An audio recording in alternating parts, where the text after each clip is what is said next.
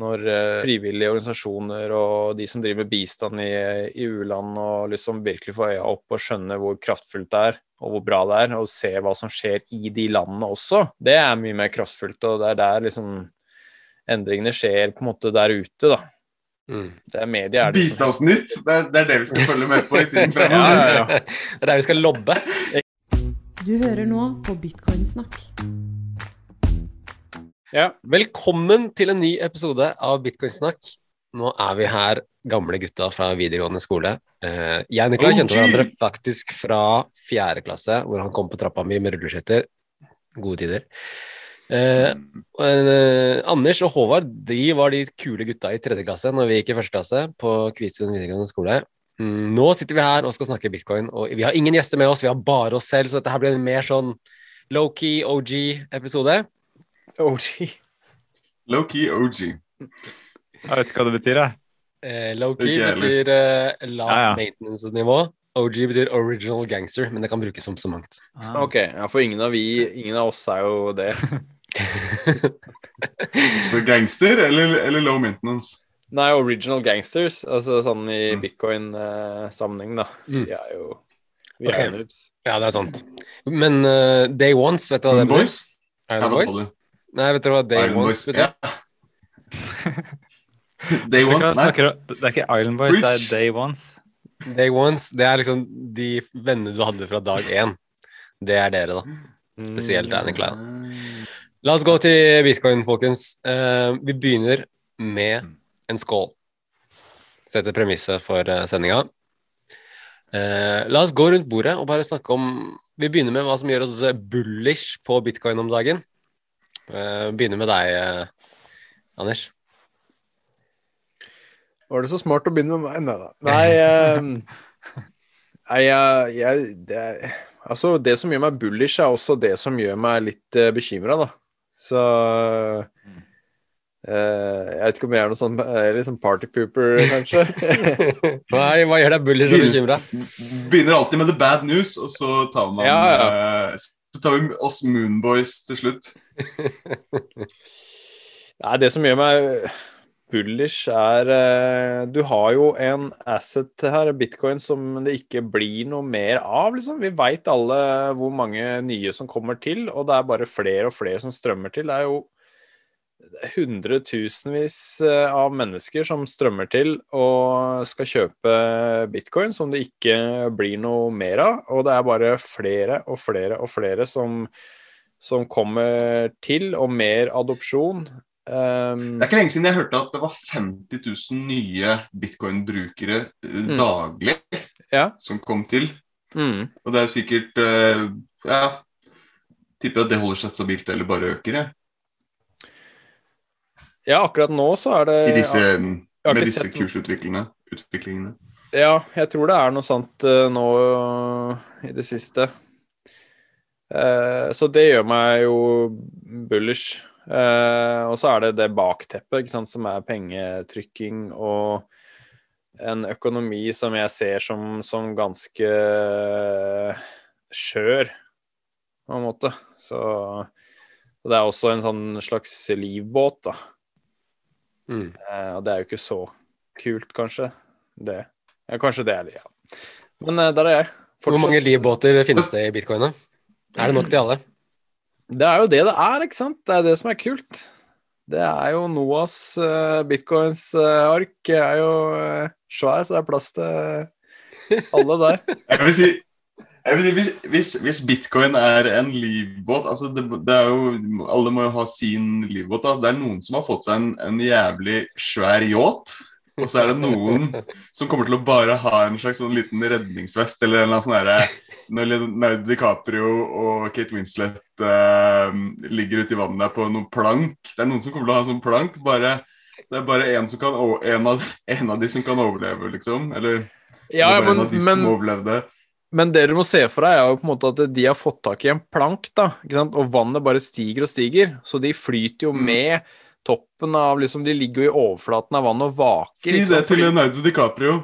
Ja, ja, ikke sant. Leonardo, hør på meg nå. Du har jo fått tak i noe greier. Du ligger der og vaker mens vannet bare stiger og stiger. ikke sant? Alle som ikke har fått tak i noe som flyter, aka bitcoin, de bare synker jo til bunnen, ikke sant? Fordi de klarer De har ikke noe som kan kjempe mot inflasjon, da. Ja, og ikke vær så jævla misfornøyd med den planka. Altså, altså bygg deg en båt, god damn it, Ja, Jeg, jeg, jeg skjønte aldri helt hvorfor han slapp den planka i, i, i Titanic. Nei, Hans han vet ikke, han Det hadde ingenting med at han ble kald å gjøre, tror jeg. Nei, Nei, nettopp. det hadde ikke noe, det. Nei da. Jeg har, ikke sett den filmen, jeg har ikke sett den filmen så mange ganger, altså. Nei, det er lenge siden. Okay, Men uh, Ja. fortsett. Uh, hvem er vi neste her? Håvard? Hva gjør du er bullish? Uh, nei, jeg har jo mange venner som kjøper mye rart. Men det er fremdeles mange av vennene mine som ikke har bitcoin. Og det gjør meg ganske bullish, fordi det betyr jo bare at vi er fremdeles veldig tidlig. Og, og det er mange som bare kjøper bitte litt også, og ikke på en måte går så tungt inn som, som kanskje vi fire gjør, da. Um, vi er jo tungt inne av eh, flere grunner. Inflasjon er jo én ting, men også at vi ønsker et nytt pengesystem. Så um, ser vi ja, også på en måte signaler på at uh, inflasjonen nå er høyere enn enn på en måte tidligere stipulert. Og folk begynner å snakke mer og mer om inflasjon også. Til og med Man ser jo på en måte at makroeksperter er litt sånn Altså makroøkonomer er litt sånn uh, forsiktige med å ta i, ta i ordet inflasjon i munnen, eh, fordi det kan skape en del eh, støy. Men eh, vi ser jo at det også skjer i større grad. Nå, nå er det et tema som snakkes mye om.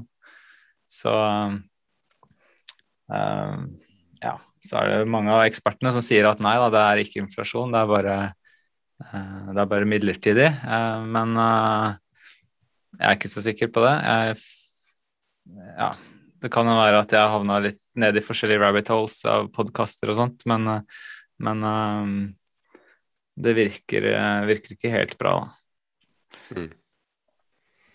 Fy faen, ble det bullish av det der, altså. Nei, men, men, nei, men det, det er jo Det er jo Det trengs et nytt pengesystem, da, sånn jeg ser det. Eh, vi trenger å komme oss vekk fra det gjeldsdrevne økonomien vi er på nå.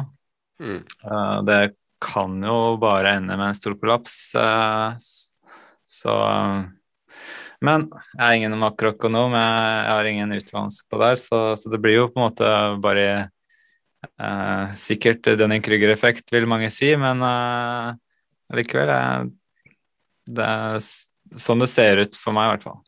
Mm. Um, så Hva, hva er Daniel Hva sa du? Daniel Kruger-effekt? Dunning-Krüger-effekt. Ja, det betyr jo at uh, har du lest litt om et emne, så tror du at du er ekspert.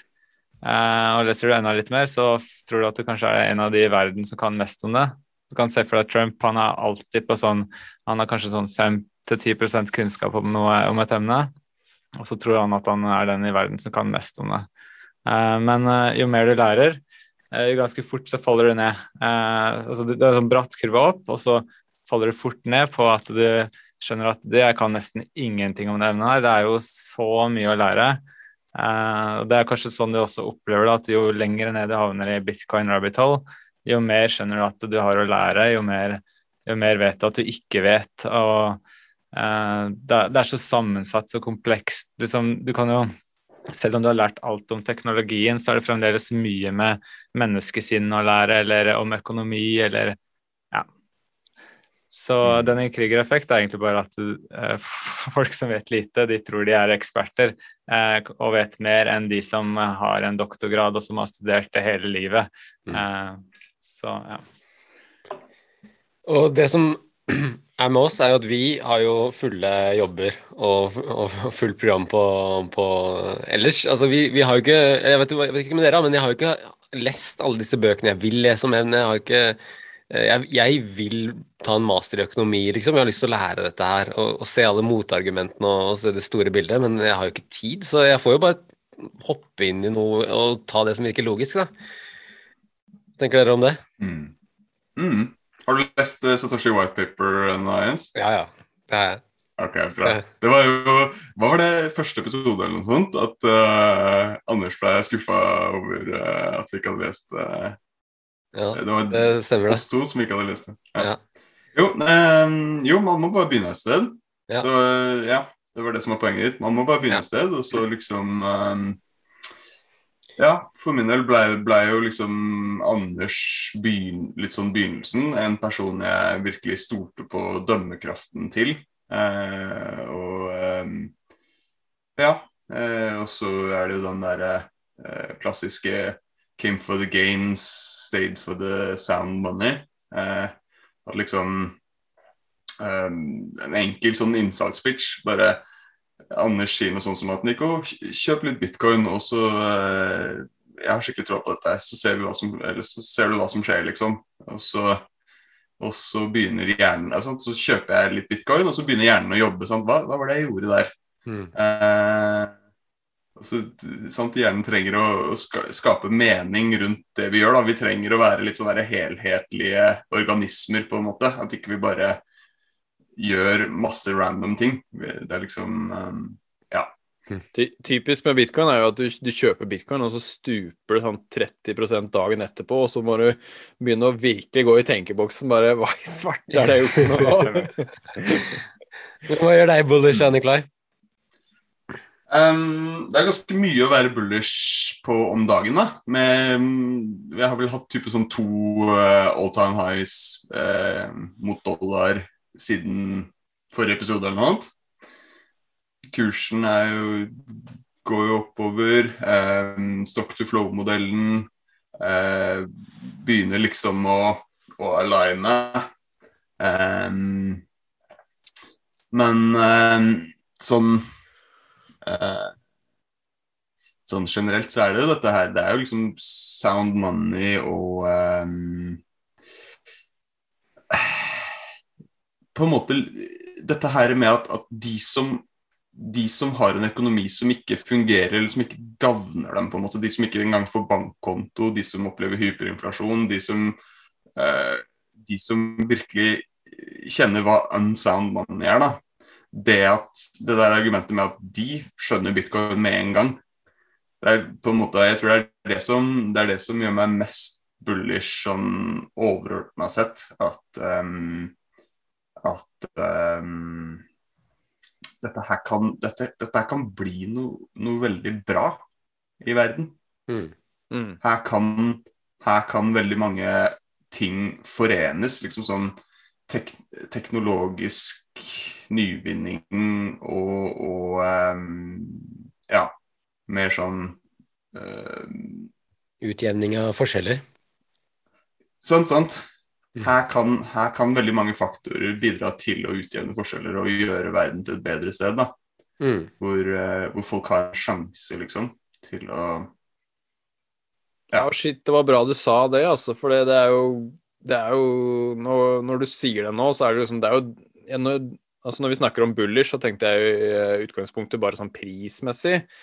Eh, men det er jo derfor eh, jeg er i bitcoin, det som du sier nå. Det er jo det som gjør at jeg liksom Mm. gløder av begeistring, fordi det er en løsning, da. Ikke sant? Det er noe jeg har leita Mm. etter i så mange år, vært frustrert over. bare eh, hvordan måte ting går i feil vei, og, og jeg har lest og jeg har lest og jeg har jobba og jobba så hardt for at liksom vi skal Ikke at, de, at jeg har tenkt at jeg skal liksom endre alt, men, men eh, allikevel, da, så endelig finne bitcoin, fordi at jeg har leita så lenge, liksom, og det, det er det jeg tror på at eh, det er den viktigste løsningen for eh, det du snakker om, Nico, og, og for klima og sånt. Mm. Og det er jo det som virkelig gjør meg bullish. altså når, jeg, når, jeg, når, du, ja, når vi snakker om det på den måten, så mm. Ja, la oss eh, snakke om det på den måten, da. Ja. Ja. Dette her, dette her kommer bare til å bre om seg, og det lar seg ikke stoppe, liksom. Det er eh, nettopp fordi at det representerer noe, noe som er mye bedre enn det som det vi allerede har, da. Eller, ja. Mm. Og, og, og det vi allerede har, funker jo egentlig sinnssykt bra for oss. ja. Vi ville jo, vi ville jo levd fullgode liv på en måte til vi ble 80 83,6 eller et eller annet sånt Mm. uten. Men, men eh, Skal vi gå over til veldig hva som andre. Ja. Ja, eh, du har ikke fått spørsmål, Lines. Hva er som hva gjør deg bullish? Nei, eh, altså det at vi er tidlig ute, det merker jeg veldig. Men, og, men det som har vært litt morsomt, er at det, at det har vært korona, ikke sant. Og i, det er jo typ i korona at jeg virkelig har satt meg i det her og begynt å snakke med, dem, med, med veldig mange rundt meg. Og det har ikke vært så veldig mange rundt meg. sånn at det, det at det, det nå har åpna opp så mye, og jeg da har fått snakka med folk, så har jeg liksom eh, sett hvor de er hen i livet og, og med dette her, da. Og det har vært veldig gøy å, å skjønne at liksom, ok, de her har ikke tenkt på hvilke, eh, hvilken effekter pengesystemet vi lever under har for oss her i Norden. Eh, hvilken, hvor utrolig privilegerte vi har for det pengesystemet vi har.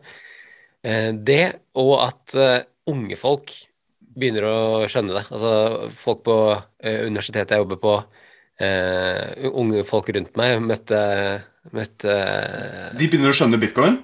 de begynner å skjønne og være interessert, og jeg tror liksom Om ikke prisen går opp nå, altså hva skjer når, når eh, hele, en hel generasjon eh, dør, liksom, og skal overføre eh, velstanden sin til sin yngre generasjon? Da kommer de til å gjøre en søken etter hvor er det man oppbevarer pengene sine i, i dag, og da kommer krypto til å være på agendaen. Og inshallah at bitcoin er eh, høyt, høyest oppe da. Så det gjør meg bullish. Og forrige episode om lightning med ehm, med Adrian. Nei, Johan. Johan, sorry.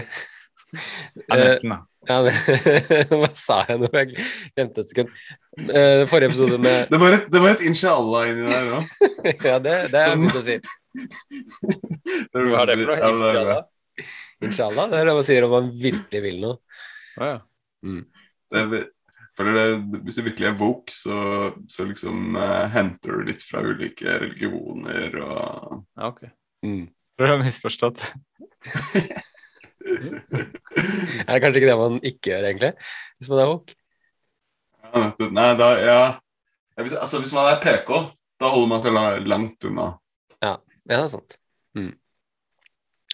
Nei, Lightning gir meg bullish. Altså Det er et uh, flott system. Og, og de, den in Mm. insentivordningen som finnes i Lightning, med FIS og sånn, det var helt uh, gull å høre på. Mm. Ja, jeg, jeg må si det at hvis, hvis vi ikke hadde hatt så bra layer 2-løsning, hvis det på en måte bitcoin bare var store of value, så, så uh, det hadde vært bra, men men det er uendelig mye bedre å ha en dritbra layer 2-løsning der hvor det faktisk kan være en eh, pengeenhet man kan bruke det daglig for eh, småhandel. Mm. Og jeg husker når du introduserte meg for bitcoin, Anders, så, så, så introduserte du det som en store of value, men, du, men hver gang jeg spurte om layer, eller ikke layer, om, om kjappe betalinger, så sa du alltid ja, det er lightning, og det finnes, og det, det funker nå. Jeg trodde ikke på deg. Mm. Men det, det var det jeg bare gikk gjennom. Det samme med deg, Håvard.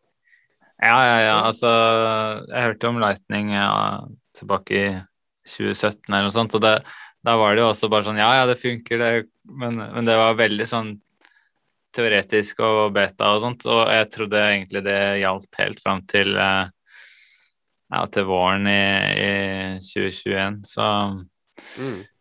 så ja, det, det er veldig gøy å se hvordan det nå faktisk begynner å materialisere seg og etablere seg som noe ekte og som noe som folk bruker i det daglige. Det er, eh, For det er veldig, Lightning veldig kunne blitt ja, Lightning kunne kanskje blitt litt sånn som Ethereums uh, proof of uh, stake. Ja, ja. Litt sånn derre Jo, det kommer, det, å, det kommer til å bli så bra. Å, det blir så bra når vi får det liksom uh, Fikser alt. Ja, nei, men det er, Eh, neste måned. Om, om ett år så er det her. Og så, eh, ja. Så det er, veldig, det er utrolig betryggende å vite at i, Sal i El Salvador så eh, går Så går det greiene der som hakka møkk. Mm. Der har du liksom et helt land som eh, Ja. Um, som tester ut det greiene der, og uh, et stort et stort eksperiment, da.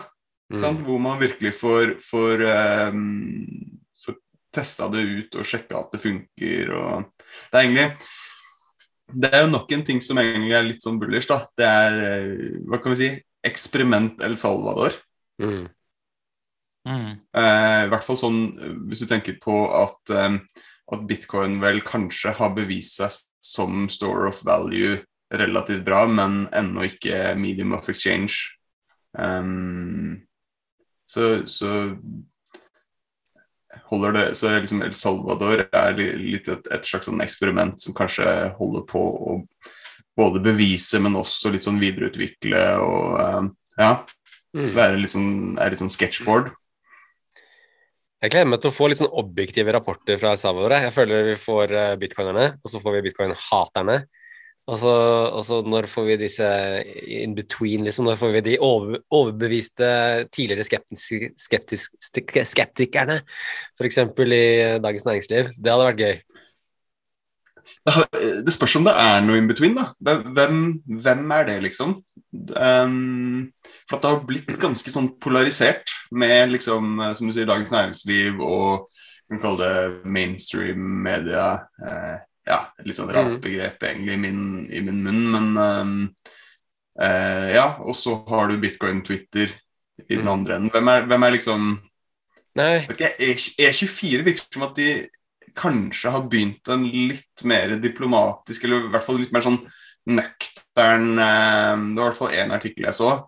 eh, Jeg tror det var rundt en eller annen all time high eller et eller annet, hvor de var veldig sånn der eh, Veldig sånn bare sånn beskrivende, da. Mm. Syns det var litt Det var litt fint å se. jeg tenker på, så- mer på organisasjoner som, eh, som vurderer dette her ut ifra hvor bra det er for befolkningen. Da. Sånne bistandsorganisasjoner og, og ja, sånne. Hvis de Ja. hadde bare Ok, det her funker faktisk. Så har man et sabla Mm. argument, da. Mm. Ja, jeg tror Ja. det er mye bedre enn en enn media. Det Ja, der har ikke jeg så veldig stor tiltro sånn generelt sett. Eh, Hver gang jeg er inne på massemedia, så bare føler jeg at jeg har sånn meta Ser det med metablikk, da. Altså sånn alle overskrifter som er liksom bare ment for at jeg skal trykke på det. Som er liksom skape en redsel eller skape en reaksjon, eller bare sånn Hæ? Bare sånn, Hæ? Hæ? Liksom det, er- jeg bare føler det er, det er, ikke, det er ikke nyhet. Liksom, det er en slags sånn derre magasin for bare sånn crazy eh, ting som skjer. Bare eh, Mm. Det, jeg, jeg, prøver å lese minst mulig av det. Jeg, jeg tror ikke på en måte det er der endringa skjer, liksom. Der er det Hva er den gjengse oppfatningen av bitcoin? Det er, det er noe drit. Det er bare noe tull, og det, det er ikke bra. Det, det er jo krise hvis folk skal begynne med det. Så jeg tror de, de bare, det vil bare fortsette og fortsette med den narrativen, da. Ja, Mm. Da tror jeg, som Jens Emil sier, at eh, når eh, frivillige organisasjoner og de som driver med bistand i, i u-land og liksom virkelig får øya opp og skjønner hvor kraftfullt det er, og hvor bra det er, og se hva som skjer i de landene også, for det skjer jo veldig mye der, det er mye mer kraftfullt, og det er der liksom endringene skjer på en måte der ute, da. Mm. Det er media er det Bistandsnytt, det er, det er det vi skal følge med på i tiden fremover. Ja, ja, ja. Det er der vi skal lobbe. Ikke sant? Fattern og mutter'n og de er jo litt sånn old school eh, kristne, så de får noe sånn derre Enda er det håp. Det må jeg alltid smile litt av, uh, sånt magasin. Det er, når det står om bitcoin i det, da tenker jeg nå Bull-signaler, det er bull. Så alle Ja, dere hørte det her først. Begynn å, begynn å abonnere på Bistandsnytt, og ennå er det håp. Enda er det håp. Det er så sykt bra. Når alle andre medier har svikta oss, så, ja. så holder de stand. Vårt land, kanskje. Vårt land. Mm. Ja, men uh, ligger det litt sånn sant? Vi har tatt en runde med hva gjør oss bullish. Ligger det litt i kortene eh, hva, hva gjør oss bearish, eller hva er liksom den føden som, eh, som uh, når inn? Hva vi- hvorfor skal hva vi vi- Hva vi tenker på, liksom hva vi battler litt med, da, kanskje. Ja. Ja. Mm. Mm. Også. Kan vi bare ha med Håvard sin forklaring på hvorfor vi burde ha, ha noe sånt? Hvorfor Ja, ja Nei, altså, alle er jo på en måte på en reise ned bitcoin rabbit hole, og det er jo forskjellige spørsmål man gjerne battler med som gjør at man søker og, og leser litt ekstra om de temaene, sånn som hvorfor bruker bitcoin så himla mye energi? Eh, det er jo veldig bra å bli drevet av sånne spørsmål eller sånn type FUD for å nettopp kunne liksom på en måte lese seg opp eller bli mer informert om temaet. Så eh, jeg bare syns det er veldig fett å, å heller snakke om det istedenfor å legge lokk på det, som jeg føler en del eh, bitcoin-maksimalister kanskje gjerne gjør. da, at mm. det er bedre å fronte ja. og, og, gå inn i diskusjonen på, på FUD-en, kanskje, enn å, enn å bare ja. Move on. Sånn, uh, du har ikke Never gonna make it, liksom. ja, litt sånn stol, stol på bitcoin. Eh, ikke undervurder bitcoin. Bitcoin tåler den, den eh, liksom diskursen eller eh, sånt. Der har du dette derre antifragilitetsbegrepet som vi virkelig har blitt kjent med gjennom Erik Dale de gangene han har vært med på poden her. da. Mm. At uh, stort sett de tingene som, som man har kasta mot bitcoin, har bitcoin kommet sterkere ut av. Sånn, Bitcoin lever videre i beste velgående. Mount Cox, uh, Elon Musk Ja, Kina-band, alt mulig. Bare, mm. bare, kom med det, liksom. Ikke mm. um, Ikke skyv det under teppet. Mm. Ja. Det her gleder en psykologhjerte, gjør det ikke det?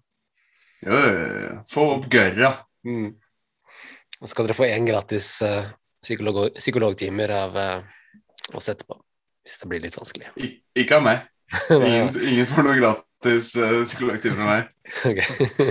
Okay. jeg bare har han der Jeg har mer enn nok å gjøre nå etter korona.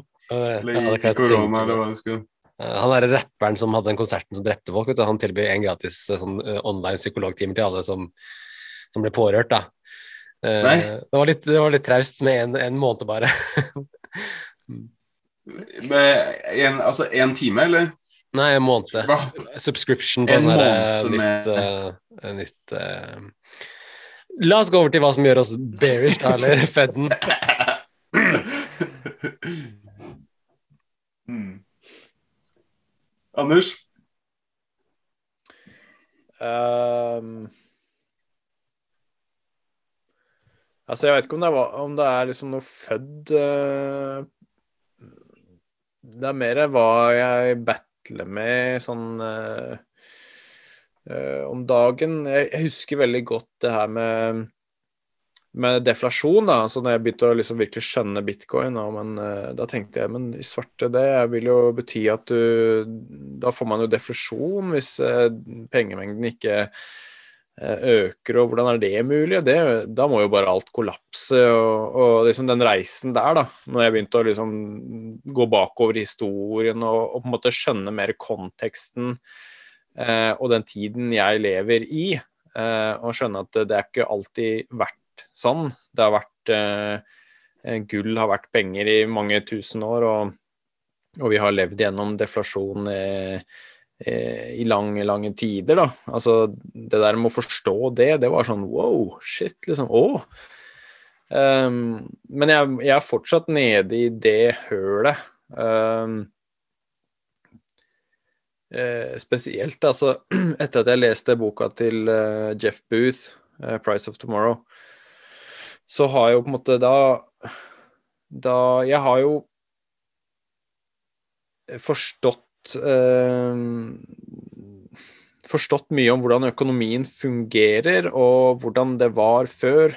Eh, og hvordan ting har blitt annerledes med tiden. Eh, hvor gjelden bare har vokst eh, eksponentielt.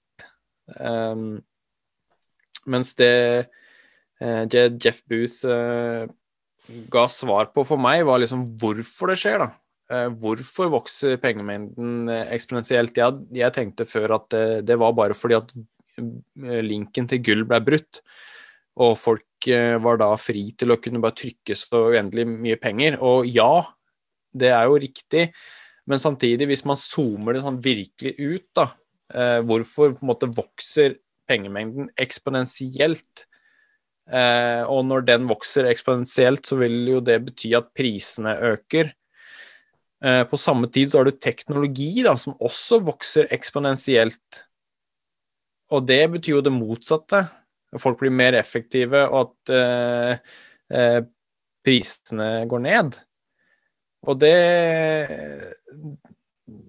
Ja, det her med at eh, Jeff Booth mener at den der eksponentielle veksten i pengemengden, det er mer et sånn motsvar på teknologiutvikling, da. det er derfor det, det har kommet. Altså sånn, Hvis du virkelig zoomer ut og ikke ser på noen enkeltindivider, at uh, sentralbankene de har skylda, eller at den uh, har gjort det, og liksom Du bare zoomer ut og bare ser på det som et system som bare vokser og, og sånt. Um, så uh, er det liksom der jeg er ned Der jeg er og tenker en del. Det her med, med teknologisk utvikling og deflasjon. Uh, for da er det jo noen som For jeg, det høres veldig logisk ut, det Jeff Booth uh, sier, og det var veldig sånn Å, oh, shit, liksom er det derfor? Um, men samtidig så er det jo noen som mener det at uh, teknologisk utvikling egentlig har stagnert. Altså hvis du bare fjerner datamaskiner og mobiltelefoner, så ser ting egentlig ganske likt ut som det har gjort uh, på 70-tallet, liksom. Det 80-60-tallet, det er folk kjører rundt i biler og det er ikke noe som svever rundt oss og Ja, se på det rommet jeg sitter i, liksom. Det, det, det ser helt likt ut, da. Um, men for meg så blir det litt teit igjen. Da jeg tenker at ja. Mm. ja jeg tenker at Du har jo, du har jo fornya altså, altså, Det ser jo ut som du har prøvd å være litt uh, up to date, da, Anders, med sånn åpen garderobeløsning, sånn som Jack Mallers har bak der. Det, ja, det er, det er jo ganske tøft, da. Ja, jeg tenkte jeg skulle, siden jeg sitter her på uh, mutter'n og fatter'n sitt uh, soverom, da uh, Så tenkte jeg å åpne opp de skapdørene, så folk ser at uh, det er ikke tomt, da. Det er ikke så kult som uh, Jack Mallers, men uh, det er da enda garderobeskap, det er det. Jævlig bra spotta, Håvard. Ja, for det er ikke men, dine ting. Du har jo solgt alt for å kjøpe men, bitcoin. Jeg, jeg har solgt alt. Jeg har solgt alt. Så... Sånn som Jack Mallers. Mm. Men, men, til poenget ditt, eh, Anders. Ja. Eh, altså, det var jo eh, Ta bort datamaskiner, så er det ikke så mye eh, sant, eh, teknologisk nyvinning. Men hva med, hva med, det at vi har skaffa nå en, en, vaksine på en en pa, verdensomspennende pandemi liksom i løpet av rekordfart. Altså Det er masse Det der med hva da Flyvende Altså ja, altså, må, ikke, liksom bare se tilbake til fremtiden og, og, og tenke at, at, det er det teknologisk eh, nyvinning handler om, liksom. At, at, ting skal se helt rare ut. Det er jo masse ting som skjer. Ja, og det, det er jeg helt enig i. Altså, jeg syns det argumentet er litt sånn Levealderen. Rart. Levealderen vår. Ja. ja.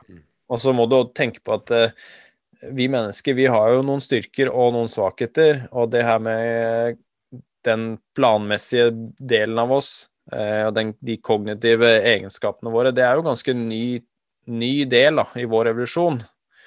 Eh, det her med å liksom springe raskt gjennom skogen over eh, greiner og steiner og alt sånt, det tar ganske lang tid for, en, eh, for oss å utvikle en robot som klarer det, med samme eh, samme eleganse, på en måte. Eh, eller det her å gjenkjenne planter og gjenkjenne grønn... Altså, det er, det er, ganske mange millioner år med evolusjon der, da. Mens det her med, mm. med å liksom planlegge fremover i tid, det er jo litt nytt for oss eh, mennesker, evolusjonsmessig.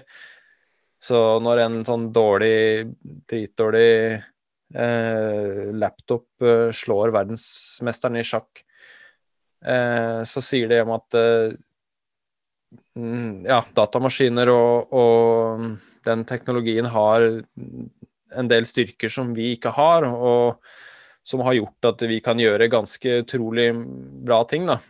Eh, så det blir litt sånn rart for meg å bare liksom se bort ifra det. For det er jo der mm. utviklinga virkelig, virkelig, skjer, og digitalisering og, og alt sånt. Mm. Hva var det som var føden din, egentlig? Ja. Nei, det er, ikke, det, er ikke, det er ikke født. Det er mer enn sånn hva jeg battler med om dagen. Det er med Inflasjon, deflasjon?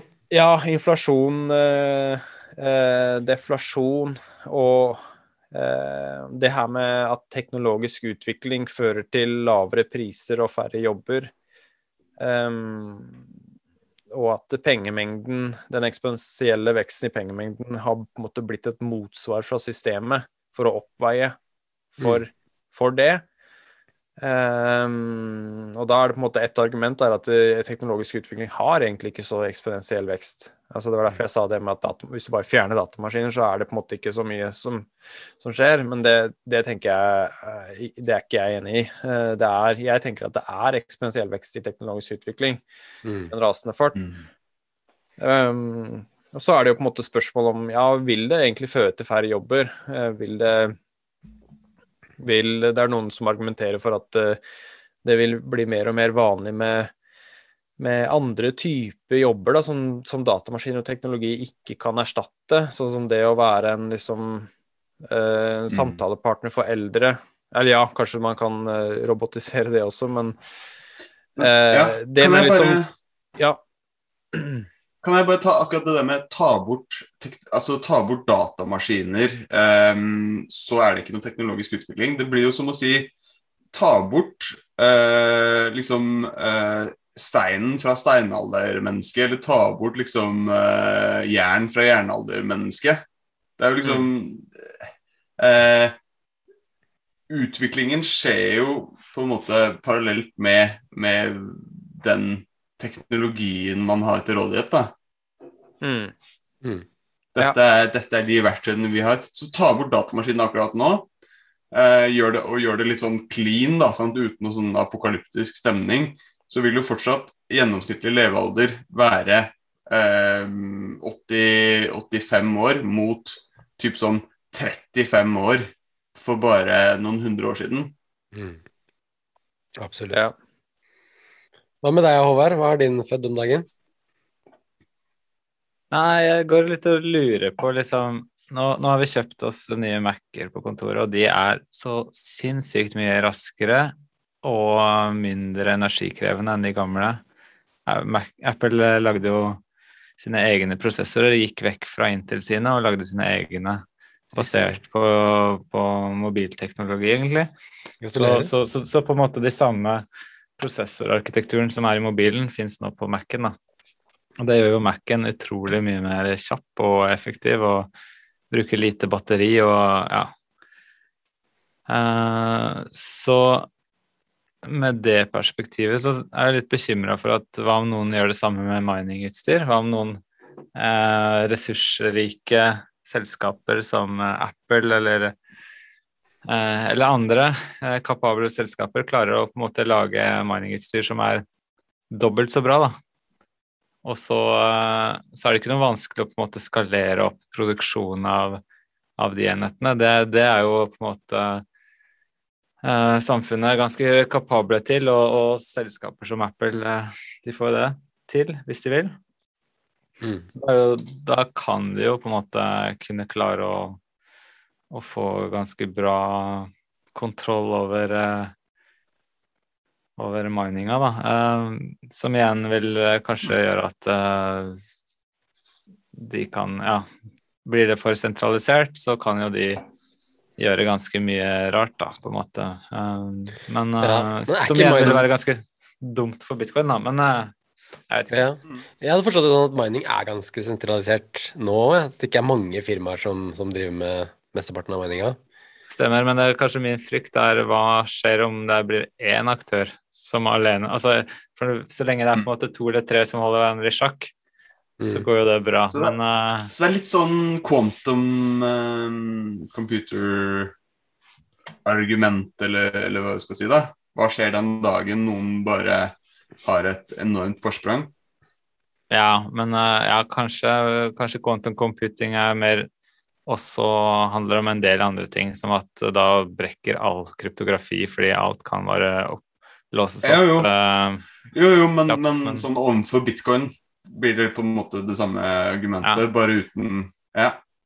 Nei, men jeg, Spennende. jeg vet ikke. Det har jeg ikke lest noe om. Jeg Ja. bare Spennende. tenkte Jo, jo. liksom eh, hvis, hvis Apple klarer å lage nye laptops Spennende. som bare gruser alt annet, så, så Mm. klarer vel noen å gjøre det samme med miningutstyr. Spennende tanker. Og så Det som slår meg, da, er at eh, nå, har, nå har alle gamerne vært uten skjermkort hva da, i typ to år. Den der skaleringa, den går ikke så fort med en gang det er liksom eh, altså, altså, når det er he- heldigitale ting, så, kan, så skjer jo skaleringa kjemperaskt. Men med en gang det er liksom komponenter som skal bestilles inn og være på lager, og liksom eh, Så går det ikke så sinnssykt fort. Måtte vært hvis, måtte vært hvis det var en eller annen komponent som, som eh, som det ikke er noe rift om i det hele tatt, da. Hvis de kunne liksom bruke eh, typ ja, nitrogen eller et eller annet sånt, da. Mm. Uh, Jeg, Mm. jeg tenker også at eh, det er her insentivene til bitcoin uh, kommer inn. Eh, Mm. Altså hvis de finner opp en sånn type eh, maskin, skal de da liksom prøve å satse på, en, på et 51 uh, attack og liksom klare å bruke én transaksjon to ganger? Eller skal de bare liksom bare begynne å mine og bare få all den liksom Ja. bitcoinsa Mm. da, som, som gevinst? Ja. Eh, ja. ja, det er spennende, fordi, fordi der er det litt sånn Hvis da typ Kina finner opp denne her um, teknologien, da er det 51% attack, uh, sant? Mm. Men hvis det er Apple, så er jo de mye mer er det, Har det ikke kommet fram at, at Apple CEO-en eier bitcoin? Liksom, de er mye mer intensivert antakeligvis til å liksom eh, mine i et litt raskere tempo og liksom bare Ja. Ja, men jeg, jeg, jeg, tenker, jeg tenker også det på For la oss si Kina sin del, da. Skal de produsere alle de minerne? Det må jo, Uansett om de er ganske mer effektive, så må du produsere en shitloads av dem.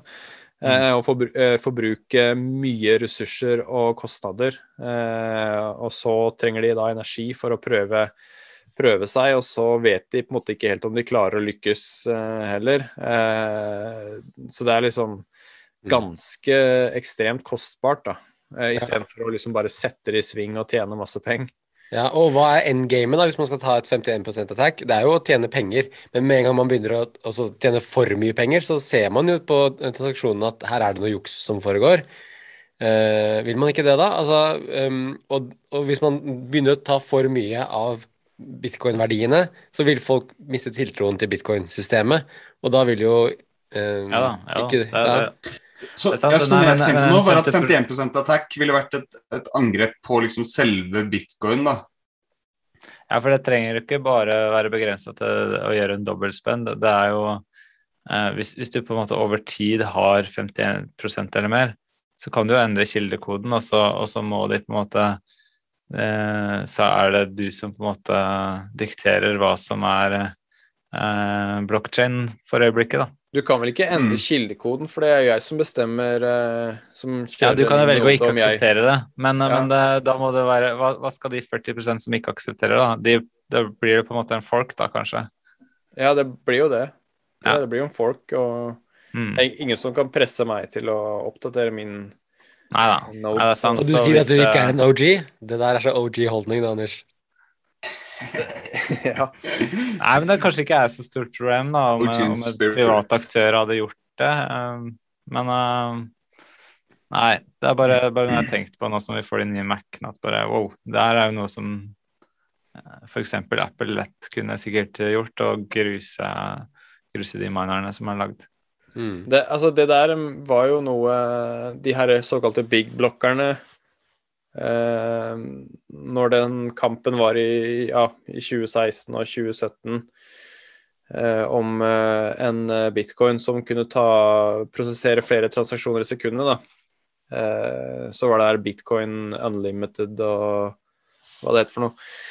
Da, da var det jo flere sånn De big blockerne ble så utrolig frustrert for at det ikke skjedde noe. Så til slutt så, så trua de med å liksom Ikke bare skulle de liksom lage sin egen bitcoin som hadde flere kunne, hadde større blokker, men de ville også angripe den originale bitcoin-blokken. da.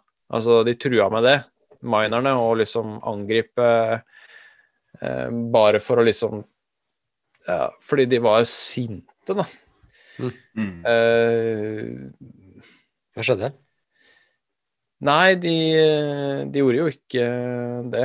Nei. Men uh, ja, nei, det er, Poenget mitt var bare at det har jo på en måte allerede skjedd, altså sånn historisk, at uh, andre har lyst til å eh, at, mener at bitcoin burde vært noe annet. Og, har fått ekstremt store krefter sånn uh, markedsmessig bak seg eh, til å støtte det, men det gikk jo ikke igjennom, fordi det er jo de som kjører noden, som, som er med på å bestemme hva bitcoin er, og Mm.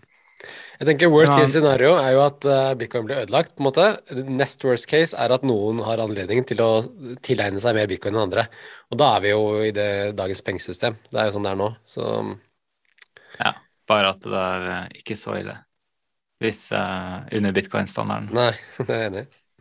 Uh, nei, men en annen ting jeg battler litt med, det er, uh, det er jo dette med deflasjon. For det er jo helt rått at bitcoin er deflasjonistisk, og at det på en måte tvinger oss til å spare istedenfor å låne veldig mye penger. Fordi, for, for i morgen vil jo lånet vårt bli større hvis vi låner under bitcoin-standard. Men jeg er litt uh, bekymra for at vi kanskje får litt for mye av det gode òg. jeg tenker litt på Øystein Sunde sin sang eh, 'Jeg sa en smule og ikke et brød'. Hvis uh, Har dere ikke hørt den? Nei. Nei, den, den, eh, den bør du prøve å mikse inn. Den, eh, men i hvert fall um, Hvis uh, litt deflasjon ville sikkert vært veldig bra. Uh, men jeg er litt bekymra hvis vi får veldig mye deflasjon og hele verdensøkonomien er flytta over dit, og, og det Jeg vet ikke hvor lenge det pågår, det, det vil sikkert flate ut og, og, og bli på en måte metta på et eller annet tidspunkt og, og reflektere på en måte verdiene i samfunnet, kanskje. Jeg vet ikke, Anders, du kan sikkert mer om det enn meg, men, men eh, jeg, for en lang periode så ville jo bitcoin være veldig deflasjonistisk, og kanskje, kanskje ekstremt noen, hvis, en, eh, hvis verdensøkonomien skulle kollapse eh, i Fiat-standarden, da, så, så ville jo det kunne bli ganske bratt, vil jeg se for meg.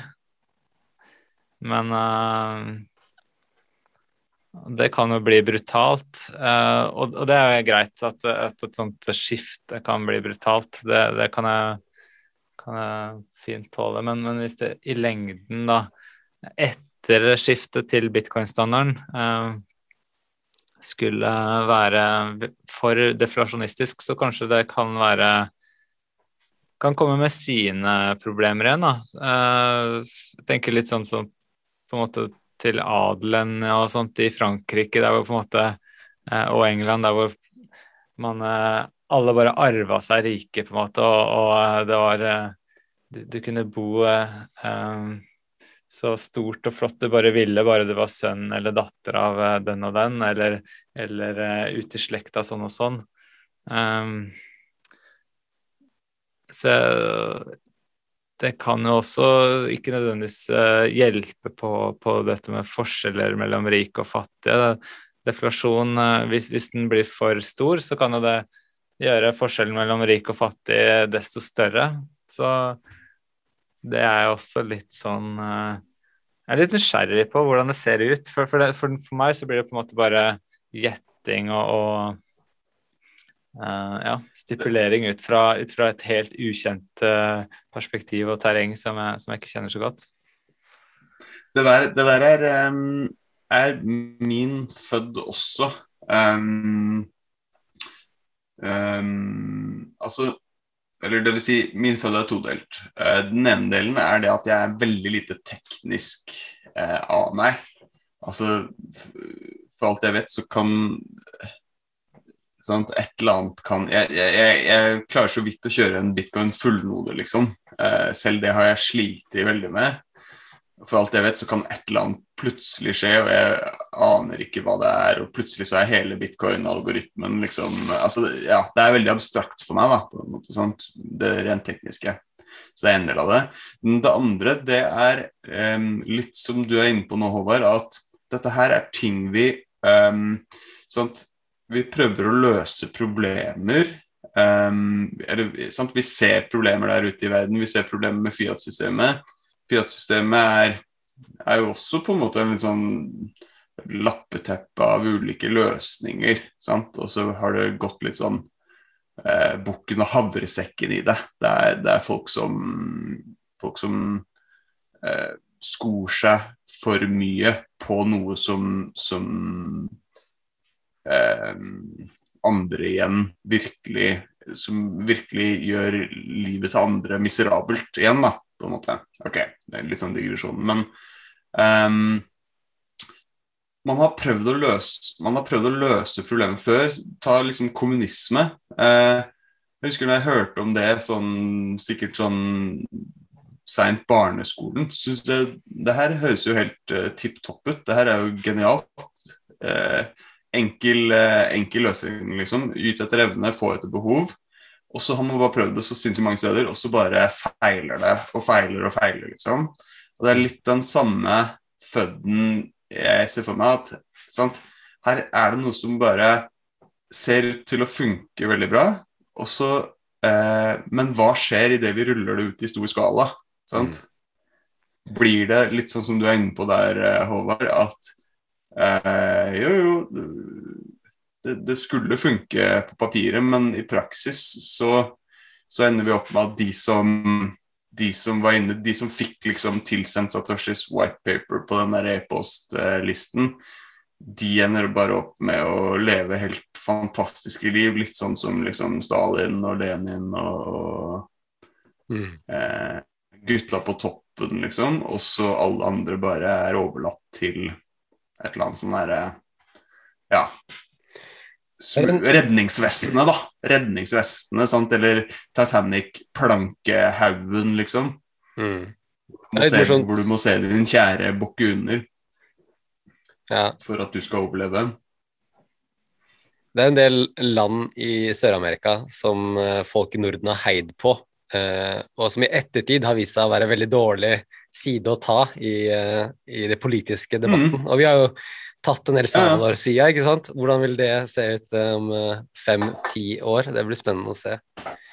Men Litt sånn som med det der kroneksempelet til Jeff Booth, at, uh, Jeff Booth, at uh, hvis du bretter et papir uh, Hva er det? 50 Hvor ganger. mange- i hvert fall så- 50 ganger så kommer det helt til sola. Er, sånn- hjernen vår funker ikke på de der store tingene når du skal liksom bare tenke så ut, utrolig abstrakt og komplekst, liksom.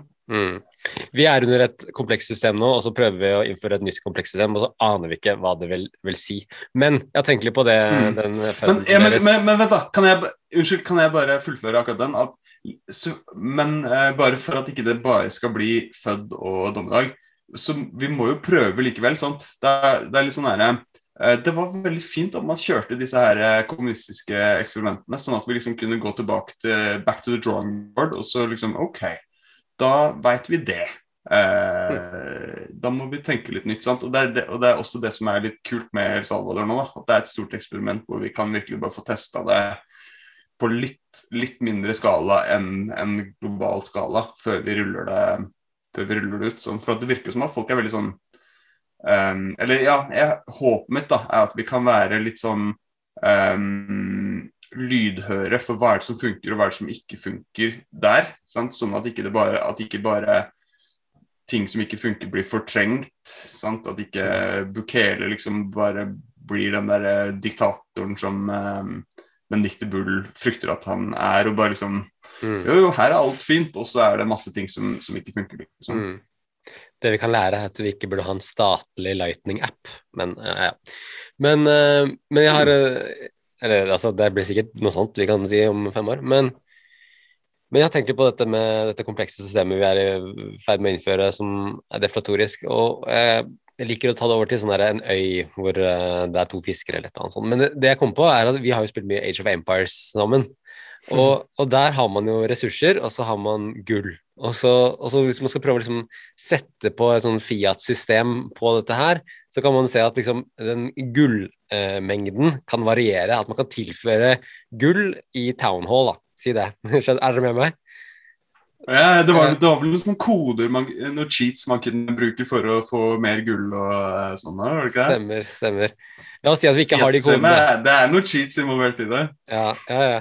Men for dere som ikke vet, så er, så er eh, Age of Empires et spill hvor man bygger eh, seg opp fra scratch, fra liksom føydalsamfunnet opp til et, Hvis ikke du veit hva Age of Empires er, så har du større problemer enn uh, Go Never back gonna to the make it. drawing board. Never gonna make it.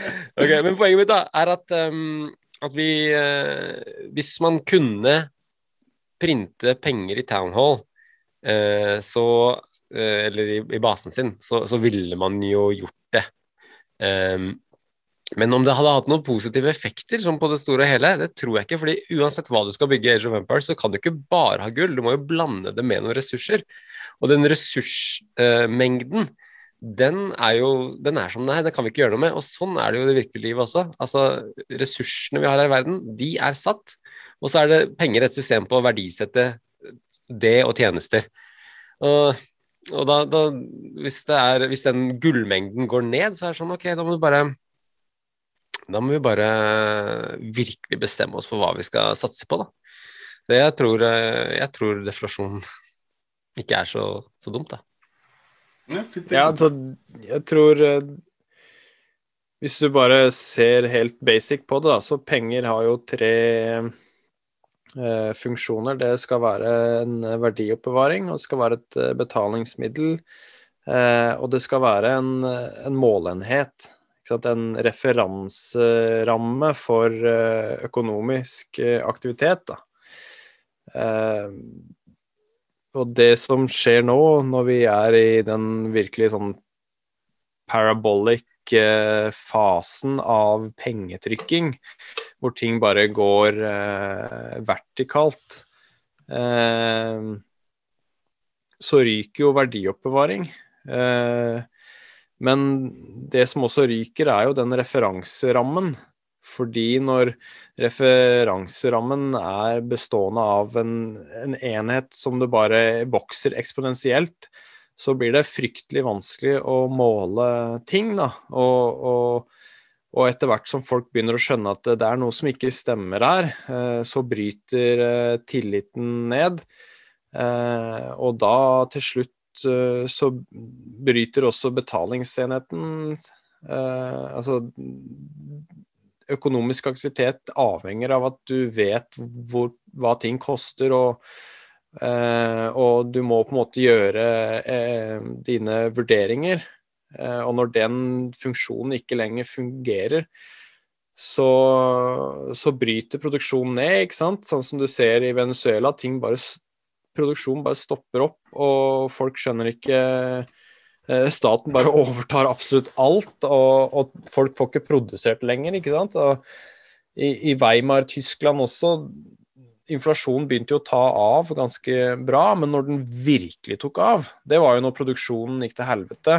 Eh, fordi eh, Ja, ikke sant. Da, da, da går jo inflasjonen i hvert fall i taket, når produksjonen går ned, da.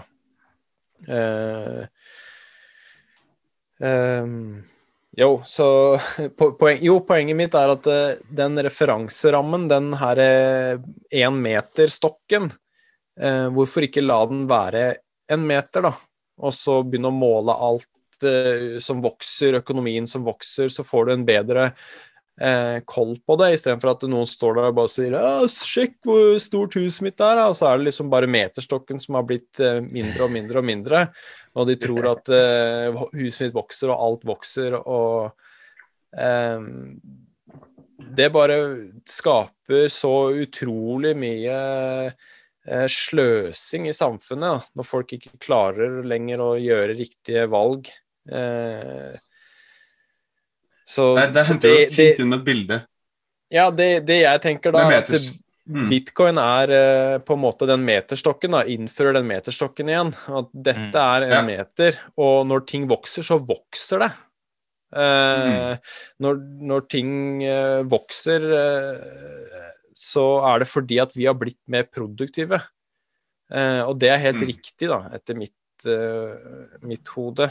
Og så deler jeg selvfølgelig ja bekymringene til Håvard om det her med veldig sterk deflasjon og, og det. det mm.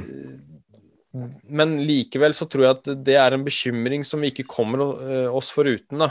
Vi har eh, kjørt økonomien helt på trynet. Er, akkurat nå så er det så skjørt at eh, vi vil enten bare fortsette eksponentiell vekst i pengemengden, bare rett opp, liksom.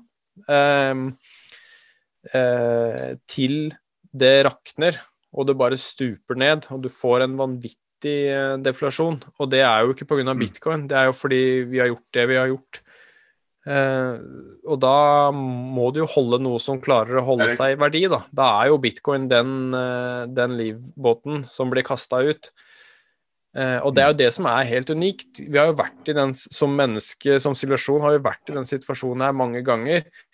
Eh, og da har man hatt eh, gull, men det har gjennom tiden blitt sentralisert, og til slutt ikke vært noe som har vært et alternativ hvor folk bare kan, eh, staten bare kan banne det. Mens nå har vi jo faktisk et alternativ. Du kan gjøre noe nå.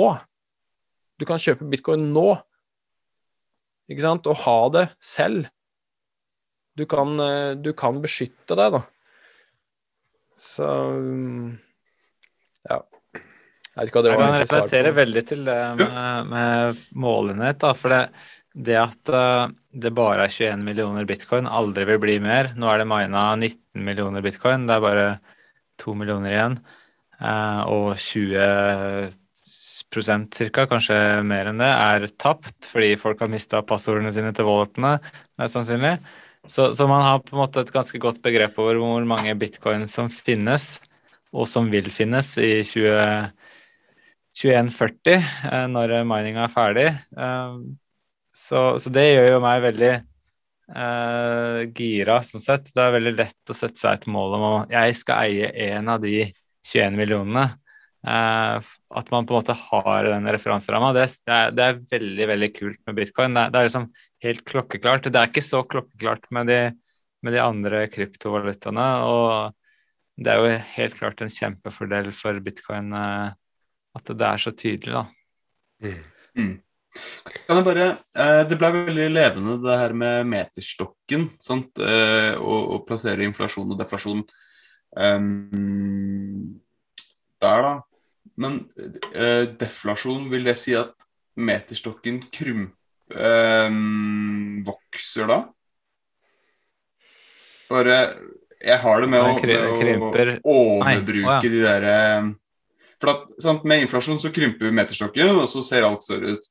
Uh, og jeg har det med å ta de her eh, de metaforene og overbruke dem litt. Men, men blir det rett da at liksom sånn med deflasjon, la oss si 2% deflasjon, så vil én meter være én meter og Altså så ved meterstokken i Paris eller hvor den er, så vil den være én meter og, og to centimeter, liksom?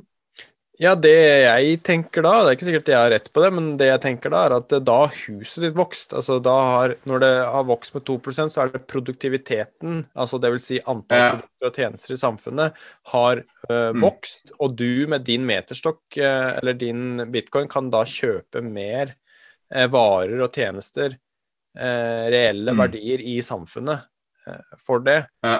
Eh, Mm. Mens nå så er det på en måte eh, Du kan tenke deg, ikke sant, hvis du ser på det samla aksjemarkedet i USA Jeg så det nå på Twitter, så var den eh, verdien 8 trillioner, tror jeg, i 2008. Eh, mens den er på 54 trillioner nå. Den har dobla seg bare de siste 20 månedene. Fra 8 til 50. Mm. 54. Fra 8 til 54, det er jo mye mer enn en dobling. Ja, det er jo helt sinnssykt. Altså, den har gått fra 27 eh, trillioner til jeg var den for 20 måneder siden, mens nå er den på 54, så det, det, det går jo også sann. Men det er jo bo, ba, bare på papiret. Ikke sant? Hvis alle de Mm. menneskene da skal likvidere eller realisere den gevinsten, og så begynne å kjøpe eh, ekte produkter, ekte varer og tjenester i samfunnet, så får de jo ikke det. Ja. De får ikke den tilsvarende verdien som aksjemarkedet har i Ja. eh, reelle verdier i samfunnet. Fordi Hvor da mye var det Tesla, skyte hvor mye var det Tesla sank med nå som eh, Elon Musk sa han skulle selge 10% av aksjene sine? Da sank det med 12 tror jeg. Var det ikke det? Det var helt sinnssykt eh, hvordan det liksom Ja. duppa. Jeg har, jeg har én Tesla-aksje som jeg har hatt i sånn type ti år. Den hadde for, for ikke lenge siden hadde den en avkastning på 3000 Oi. Og så når han sa det, så, så sank den avkastningen min til 2500% Heftig. Jeg tror det er et fint sted å runde her med Tesla her. Vi har gått uh... Ja, eh, altså vi fikk jo ikke helt Fikk vi fødden din da, Jens? Nei, jeg har ikke noe er- eh, jeg- jo, jo, en kjapp fødd. Altså, hvis man har fødd, så er man ikke bitcoin-maksimalist, tenker jeg. Jeg vet, si et eller annet om bare Nei, faen, du er sånn toksisk, eh, toksisk eh, bitcoin-maksimalist. Dere er svake i troen. Dere må tro på bitcoin. Det, det funker. Jeg kan sende dere noen sats nå, hvis dere vil. Ok, det. Eh, nei, men eh, ja, Hvis vi skal ta en fed eh, Omdømme. Omdømme. Eh, den Altså, vi har en massiv jobb å gjøre for å få omdømmet til bitcoin til å være stuereint. Og det skjer ikke over natta. og Vi må ha gode forkjempere, og vi må vi må, vi må stå på, liksom. Vi må, vi må ha Jeg vet ikke. Vi burde ha lobbyister i Washington, liksom. Vi burde ha lobbyister i Oslo. Eh, hvis ikke så kan vi bare kan det her bare ta mye lengre tid enn enn nødvendig, da. Ja, det, det er jeg enig i. vi, jeg tror vi har de lobbyistene. Ja, det tror jeg. Jeg tror de allerede, de allerede eksisterer. Men jeg er veldig enig i den fødden. Det har jeg også tenkt på sjøl. Fordi jeg tror vi er virkelig på randen, at økonomien er veldig skjør, og at eh, tilliten vil bryte, som den har gjort flere ganger før. Og da har på en måte eh, svaret vært å gå tilbake til en gullstandard. Fordi tilliten er helt brutt ned. Og hva skal staten gjøre for å liksom gjenopprette den tilliten? Jo, de linker seg liksom til eh, gull, da, som ingen har på en måte Det er ingen sentralisert organ som har liksom kontroll over det. Eh, og hvis vi kommer til et sånt punkt i fremtiden, så tenker jeg at eh, det er viktig at bitcoin har et bedre rykte enn det er i dag. Fordi eh, den liksom Ja, den gjengse personen eh, har et veldig dårlig forhold til det, og har ikke noe særlig tillit til det, tror jeg. Så da er det liksom mer på gull, eller Men samtidig så tenker jeg også at har egentlig den vanlige personen noe tillit til gull, eller har noe forhold til det i det hele tatt? Forstår mm. hvilken eh, rolle de har spilt? Det vet jeg ikke. Så jeg, jeg Det er utrolig vanskelig spørsmål og veldig Ja, og det kan jo hende at det blir sånn bottom up approach, at folket begynner å bruke sats, og det hadde vært det beste. Eh, Det, det som er kanskje mer realistisk skjer, er at hvis samfunnet eller økonomien krasjer, er at topp 200 økonomer møtes på et hotell og diskuterer hva som er neste løsning. Og da er det jo de som må ha, da er det noen av de som må komme med bitcoin som en løsning. Ja, jeg har Ja. Fuck dem, så jeg bare holder mine egne bitcoin, og så Nei da.